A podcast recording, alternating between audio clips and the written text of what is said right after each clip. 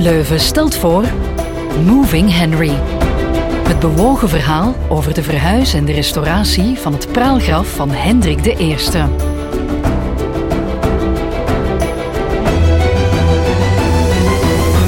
Aflevering 4. Hertog tussen keizer en koning. Vandaag wordt het weer spannend. Iedereen die bij het project Moving Henry is betrokken, is deze morgen komen opdagen. Hallo, compleet. Hallo. Fotograaf Rudy heeft zijn toestel schietklaar. Mijn opnamelichtje staat gretig te knipperen. En rondom ons staat het halve museum M. Leuven. Dirk, de deken van Sint-Pieters, de koster en zijn opvolger Guy en Guy. Iedereen is er en er heerst een uitgelaten sfeer. Ik ben heel benieuwd naar deze podcast. Want, jawel, we hebben de toestemming. Dus we gaan het muurtje openbreken. Je weet nog dat we bij het ontmantelen van het praalgraf van Hendrik I niet zijn beenderen vonden, maar die van zijn zoon. Maar volgens de overlevering zouden zijn overblijfselen hier liggen, achter dit muurtje. We hebben vorige keer al vastgesteld dat er een kist is. Meer nog, er zijn er drie. Maar wie zit erin? Dat blijft nog de vraag. Bij de vorige restauratie van de kerk zijn hier immers massa's beenderen gevonden. Er zit dus maar één ding op: de kisten tevoorschijn halen. Gewoon blijven met in. Qua rust is deze aflevering omgekeerd evenredig met de vorige.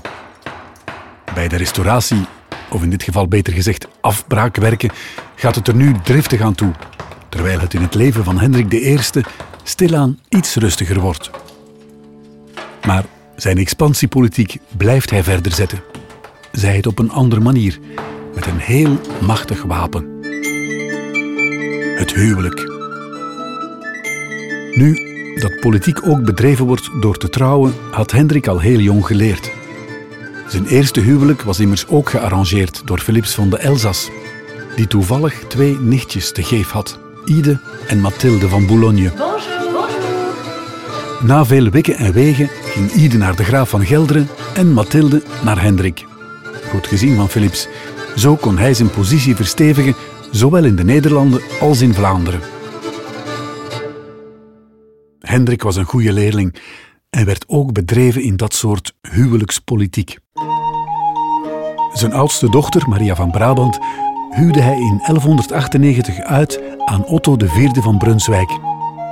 Eigenlijk had ze zijn opvolger moeten worden, want tot 1209 had Hendrik geen mannelijke erfgenamen. In 1204 had Hendrik het zelfs gedaan gekregen dat de wet veranderde en de titel ook op vrouwelijke erfgenamen kon overgaan. Maar goed, ondertussen was dat dus niet meer nodig en mocht zijn dochter zich nu keizerin noemen. Lang zou dat echter niet duren. Otto sterft in 1218. Maar geen nood. Twee jaar later trouwt Maria met Willem van Holland. Ook een welgekomen bondgenoot voor Hendrik.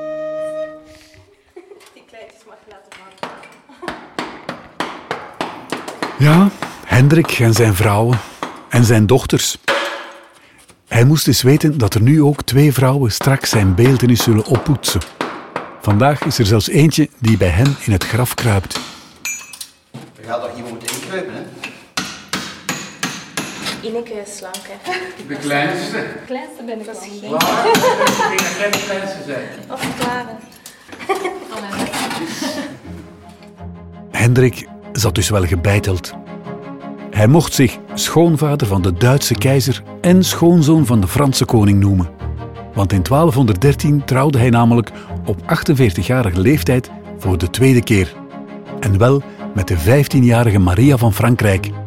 Het meisje was trouwens op dat moment al eens een paar keer eerder beloofd aan en verloofd geweest met koningen en hertogen. Maar kom, het bleef een goede occasie voor Hendrik. Om maar te zeggen hoe belangrijk die huwelijkse banden waren. Op een gegeven moment in 1208 wil de koning van Frankrijk hem voordragen om koning van Duitsland te worden. Maar Hendrik steunt liever de kandidatuur van zijn schoonzoon Otto. En hij weet heel goed waarom. Peter Carpro van M. Leuven ligt ons even bij. Als je, als je zelf zou gepistoneerd worden door de koning van Frankrijk als eh, keizer van Duitsland, dan is uw machtsbasis heel wankel. Want iedereen weet dat. En de eerste volgende keer dat ze ehm, het minste zuchtje wint, dan worden waarschijnlijk omvergeblazen. Terwijl als je natuurlijk een, iemand naar voren kunt schuiven vanuit een geslacht dat eh, ehm, wel stevig staat in, in, in dat geheel en dat je kunt dat geslacht dan direct ook aan u binden door het huwelijk. En winde meer dan dat je zelf de post zou hebben. Dus, eh, ja, want dat, dat, eh, ik zei, hij, hij stond nog niet, hij was niet in de positie om, om zichzelf koning te gaan uitroepen. Dat, dat, dat, dat zou een gigantische brug te ver geweest zijn. Dat hij het koningschap niet ambieerde, betekent niet dat hij geen ambities meer had. Integendeel, hij bleef macht en gebieden vergaren, onder andere via de vrouwen in zijn leven. Eigenlijk waren dat vastgoedoperaties, huwelijken. Eh, dus Politiek ook. politiek, maar vooral vastgoed, hè, want je trouwt, je trouwt niet met een persoon, je trouwt met een leger en met een Ja. inkomsten en met, Ah, ja, zo. met landerijen en zo. Hè. Dus, eh, Ja, ja. Trouwens, vrouwen hadden in de middeleeuwen veel meer te zeggen dan men nu aanneemt. In de middeleeuwen had je eigenlijk, ja, had, die ehm adellijke huizen, die draaiden eigenlijk op de vrouwen. Hè. Dat, dat was de backbone van die adellijke huizen, want zij waren degene die niet stierven in, in de slagvelden. Eh, en degene die, Die thuis bleef. die thuis bleven en, en de zaken moesten runnen. Dat, dat, dat waren de vrouwen, dat waren niet de mannen die dat deden. De mannen die gingen vechten en jagen. En de vrouwen die bestierden het land, daar kwam het basically wel op neer. Ehm, dus de vrouwen hadden meer macht dan wij denken. Het is eigenlijk pas vanaf de renaissance dat de macht van de vrouw beginnen ingeperkt worden. Adellijke huizen gesproken. Als je eens nagaat. Capet, Plantagenet, Anjou, Hohenstaufen. Noem ze maar op, de grote namen uit de Europese geschiedenis. En Hendrik I, hertog van Brabant, was er op een of andere manier mee verbonden. Koningen, keizers, onze hertog kenden ze allemaal. Het is trouwens ook in opdracht van, of laat ons zeggen, als vriendendienst aan Frederik II van Hohenstaufen, keizer van het Heilige Roomse Rijk, dat hij in 1235 zijn laatste reis onderneemt. Hij krijgt de eer om de bruid van de keizer, Isabelle Plantagenet, dochter van Jan Zonderland, op zijn beurt broer van Richard Leeuwenhard, te gaan afhalen in Engeland. Was dat nu echt de moeite waard? Want keizer Frederik II was al aan zijn derde vrouw toe en zou later trouwens nog een hele harem aan vrouwen en minnaressen hebben. Want voor Hendrik, ondertussen niet meer van de jongste, zal die reis fataal worden. Hij sterft in 1235 in Keulen. Wat ik wel een, een boeiend verhaal vind, is het feit dat hem toen hij gestorven het was in Keulen dat hem het loodje heeft gelegd, dat ze effectief zijn lijf hebben afgekookt om die beenderen naar hier over te brengen. Ja, voilà. Dus dat was wel belangrijk dat die beenderen hier gingen zijn. Dus de rest van de lijf hebben ze gewoon bouillon van getrokken, bij wijze van spreken. Gewoon de beenderen kaal gekookt. Letterlijk. Ongelooflijk. Godfried van Bouillon kenden we natuurlijk allemaal al langer dan vandaag. Maar Bouillon van Hendrik, dat is wel een nieuw gegeven. Die Bouillon zelf is waarschijnlijk in Keulen gebleven. Maar de beenderen, waar zijn die? Gaan we die nu, na al die jaren, terugvinden? Steen voor steen wordt het gat voorzichtig groter gemaakt. Ik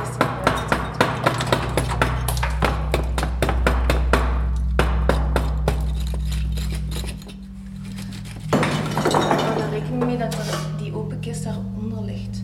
Dat... Het is opletten dat er geen brokstuk op één van de kisten terechtkomt. We zien die kisten nu duidelijk staan. Helemaal vol klinken ze in elk geval niet. Maar ja, ermee rammelen mogen we ook niet. Dus het blijft spannend afwachten. Hoe hebben ze die kisten hier ooit ingekregen? Ja, Ja, ingepropt is een beter woord. Het zal in elk geval geen sinecure zijn om ze eruit te krijgen. Ja, klein groot. Ja,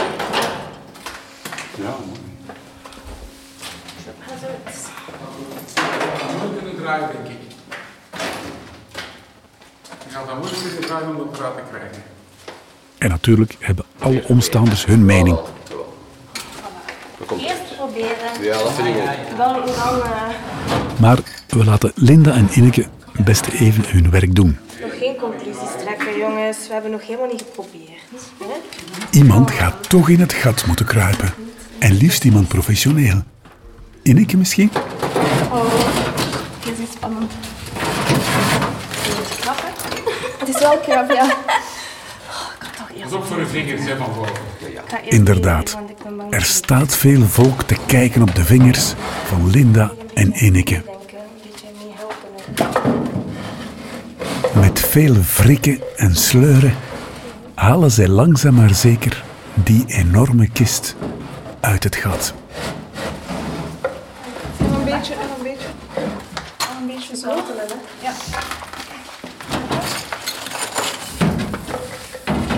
Nu Ineke helemaal in de nis zit, ziet ze pas hoe ingedeukt die ene kist is. Wat dan? Die andere is nogal ingeklapt. Ziet je iets? Hopelijk is het niet die van onze Hendrik. Misschien als we eruit halen met gezicht wel.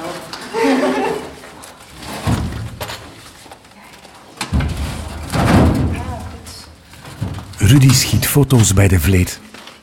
De jacht op spannende kiekjes is geopend. Duw maar even tegen de muur, dan kun je maar pakken. Gaat het? Ja. Weegt dat zoveel?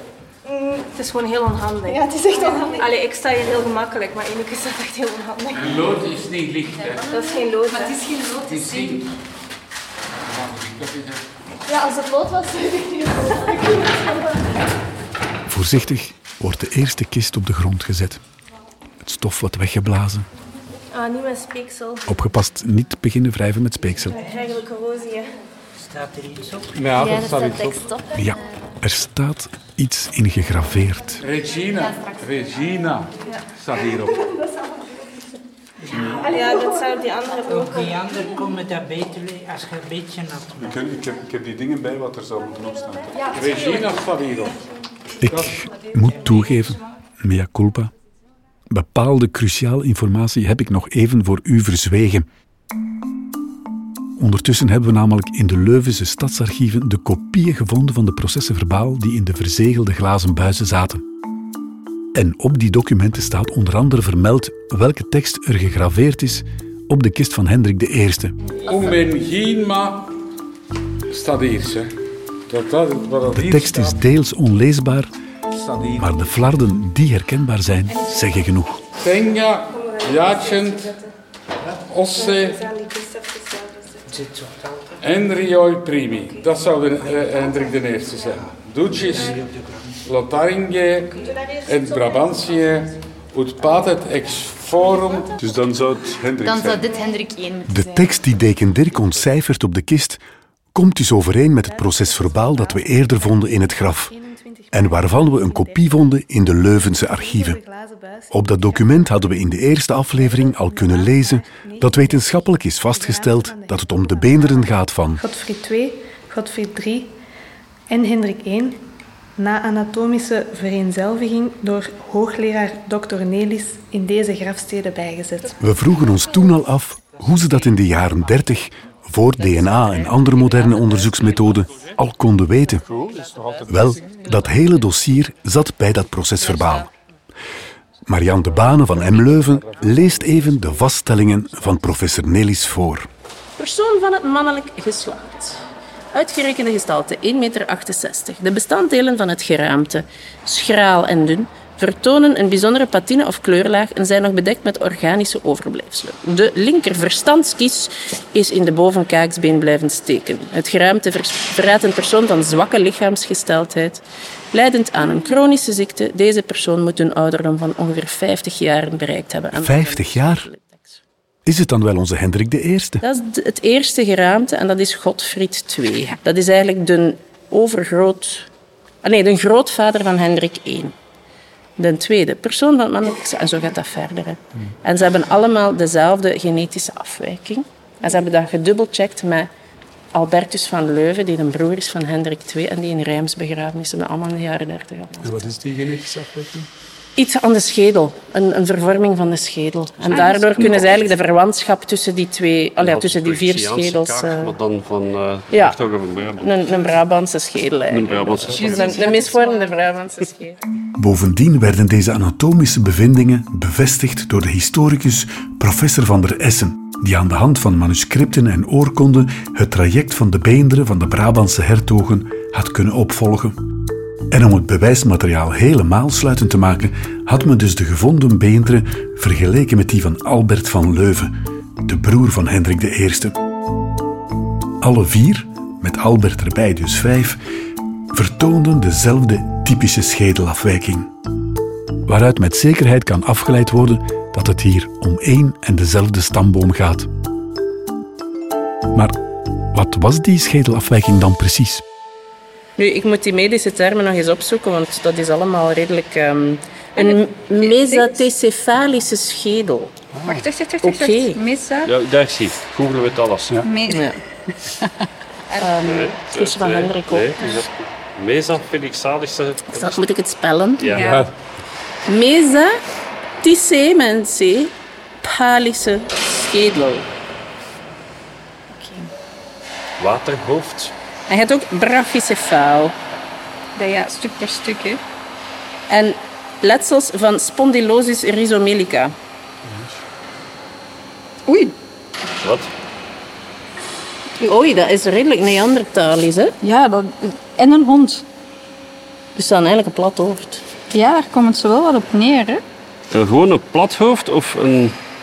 Met de verhouding van de lengte tot de breedte van de schedelmedium. Nog kortschedelig, nog langschedelig. Oh, daar zijn we niks Het is oftewel een heel groot hoofd, plat en lang, oftewel... Ah, zo. Ja, plat en lang of... Breed en plat. Hmm. We geraken er niet echt uit. Mesaticefalisch of brachyfalisch, het is allemaal Chinees voor ons. En volgens Google lijkt het trouwens meer te slaan op honden en kattenrassen dan op hertogen. Laat het ons dus houden, zoals Peter zei, op een Brabantse schedel. Maar hoe zat dat eigenlijk met die Habsburgse kin waar Peter en Marianne het daarnet over hadden? Nee, de Habsburgers hebben een andere redelijk dominante Uh, afwijking. Wat dat de house? Ah ja, de kaak. Mm -hmm. de kaak. Daarom dat de Spanjaarden nog altijd lispelen. Nee. Jawel. Ja. Echt? Ja.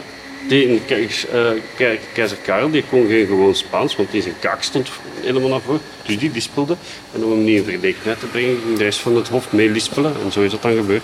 En daarom is het dat in Latijns-Amerika ja. ze niet, niet lispelen. En ze zijn want daar heel fier op. altijd gewoon Spaans gesproken. Ja, en daar zijn ze heel fier op. Ja. En nog altijd zeggen ze van wij spreken echt tenminste goed Spaans. Cinco. Ja, ja, ja. Niet, hè? Nee. Dus dat is echt puur gebaseerd op ana anatomie. Je valt geen in de ene verbazing van de andere, hè? We vallen inderdaad van de ene verbazing in de andere. Ook hier in de crypte van de Sint-Pieterskerk. Gelukkig is de eerste kist die nog het meest intact is, die van Hendrik. Eén voor één worden de andere eruit gehaald. Blijkbaar zijn de kisten er omgekeerd chronologisch ingeplaatst. De laatste, aardig in elkaar gedeukte kist is dus die van Godfried II. Is die geplet om in de nis te kunnen? Of is dat bij eerdere ont- of begravingen gebeurd? We weten het niet. Sowieso, wat ons het meest intrigeert, is de kist met Hendrik I. Niet dat we hem zouden herkennen, nog aan zijn botten, nog aan zijn mesaticefalische schedel. De kist is lichtjes gecorrodeerd. Hier en daar zit een gaatje, groot genoeg om onze endoscopische camera er weer op los te laten. We gaan in de kist van Hendrik 1 met de endoscoop.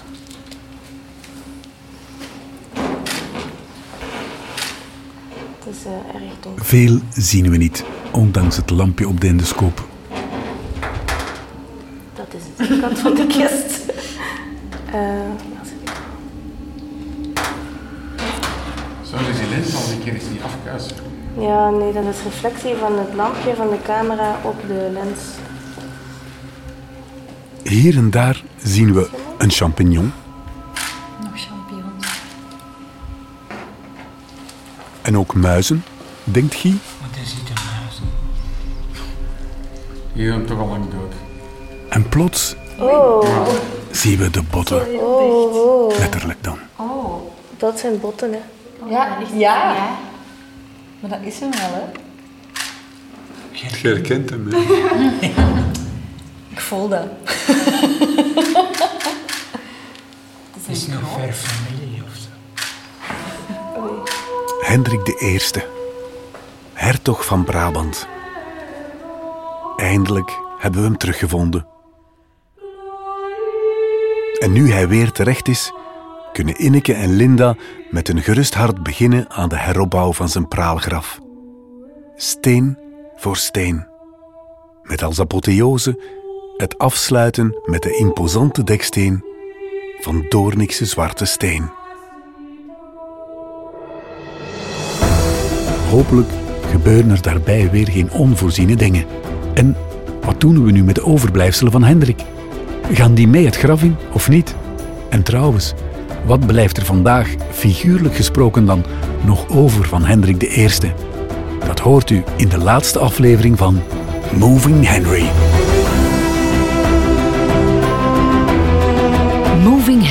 Is een podcast van M. Leuven.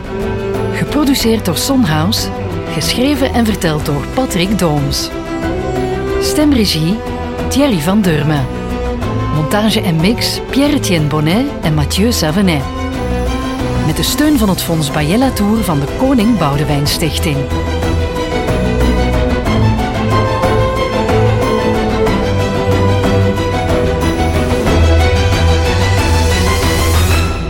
Wil je op de hoogte blijven van volgende afleveringen en extra's? Abonneer je dan op onze podcast.